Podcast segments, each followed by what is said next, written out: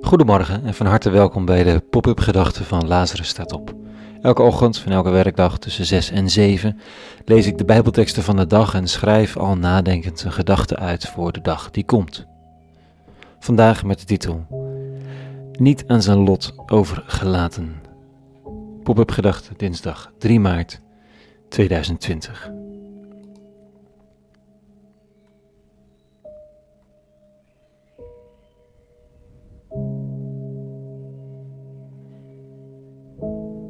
Het ligt er misschien net aan welke nieuwsbronnen je gebruikt, maar ik ga ervan uit dat gisteren werkelijk niemand eromheen kon. Europa gaat een nieuwe fase binnen van grenspolitiek op een manier die nog niet eerder is voorgekomen. Het is deprimerend om te zien hoe weinig licht er in de tunnel schijnt. En het komt niet uit de lucht vallen, hè? Turkije dreigt al heel lang. De situatie op de Griekse eilanden en op heel de Balkan was al heel lang totaal verwaarloosd, explosief en schrijnend. Maar als het al gebeurt, is het zeer moeilijk te zien waar er dan nog licht schijnt. Sommige Europese landen roepen te wapen, maar tegen wie? Tegen mannen, vrouwen en kinderen die werkelijk niets meer te verliezen lijken te hebben. Turkije is te wapen tegen Syrië. En wat doen de Russen? Wat weet ik eigenlijk van politiek? Wat ik wel weet is dat vrienden die betrokken zijn bij Stichting Bootvluchteling, de organisatie die ontstond onder andere na onze reis naar Lesbos in 2015, dat zij zich nu op een onbekende plek op het eiland Lesbos schuilhouden omdat een aantal rechtsextremisten met geweld het eiland terroriseren en vluchtelingen en helpers niet veilig zijn. En dat op je nuchtere maag op de ochtend. Kan ik niet gewoon iets vrolijks schrijven, iets verzachtends en omhelzend? Want daarmee moet de dag toch beginnen. Nou ja, de sterren staan nog aan de hemel. De lucht is zacht en licht en er fluiten vogels. Dat is waar. Dat is gelukkig waar. Ik leef. En in de kamers van dit huisje liggen gezinsleden te slapen. Er is zoveel goeds. Te veel om op te noemen. En toch? De knoop in de maag gaat niet zomaar weg. Het is de grenspolitiek die mij raakt, pijnlijk en hard waar we onze walk of shame voor uitzetten. Internationaal georganiseerd, zonder precies te weten hoe het moet. Maar je gaat zoiets zomaar gewoon, gaat zoiets gewoon maar doen. Wetend dat als je meer tijd voor zou nemen, je het beter zou kunnen organiseren. Maar ook daarvan weet je niet precies hoe. Voor een ander is de vraag ecologisch van aard, die depressievigheid.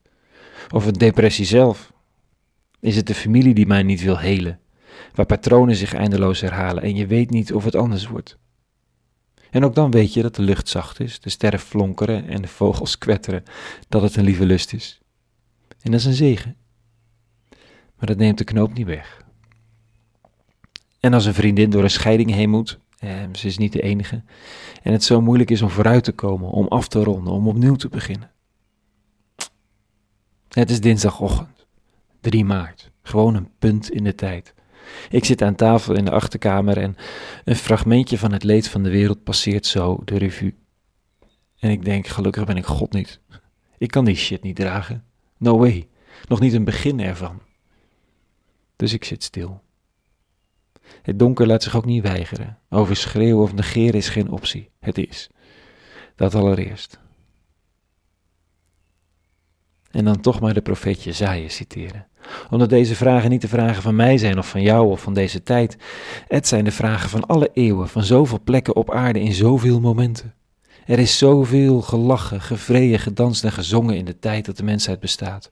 En zoveel gehuild en gebeden en gezocht in diezelfde tijd. En in de oude tekst als die van de Bijbel blijven een paar van die pareltjes bewaard, die mensen houvast hebben geboden om de dag weer in te gaan. Vandaag staat er dit. Zo spreekt God de Heer. Zoals de regen en de sneeuw uit de hemel vallen en daar pas terugkeren wanneer zij de aarde hebben gedrenkt, haar hebben bevrucht, zodat ze groen wordt. Wanneer zij het zaad aan de zaaier hebben gegeven en het brood aan de eter, zo zal het ook gaan met het woord. Dat komt uit mijn mond, zegt de eeuwige. Het keert niet vruchteloos naar mij terug, het keert pas weer wanneer het mijn wil volbracht heeft en zijn zending heeft vervuld. Er is een woord gesproken dat de aarde en de mensheid uit liefde tot stand heeft gebracht, ooit.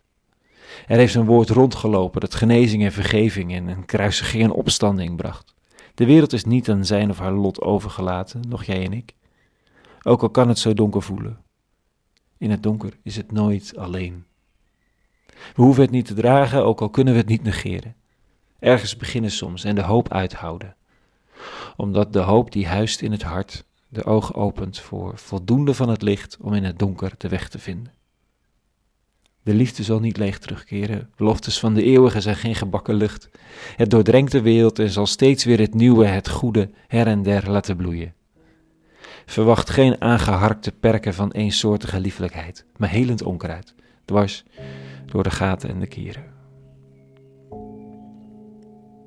Tot zover de pop-up gedachten van vanochtend. Meer pop-up gedachten te vinden op lazarustop.nl. Vrede gewenst. En alle goeds.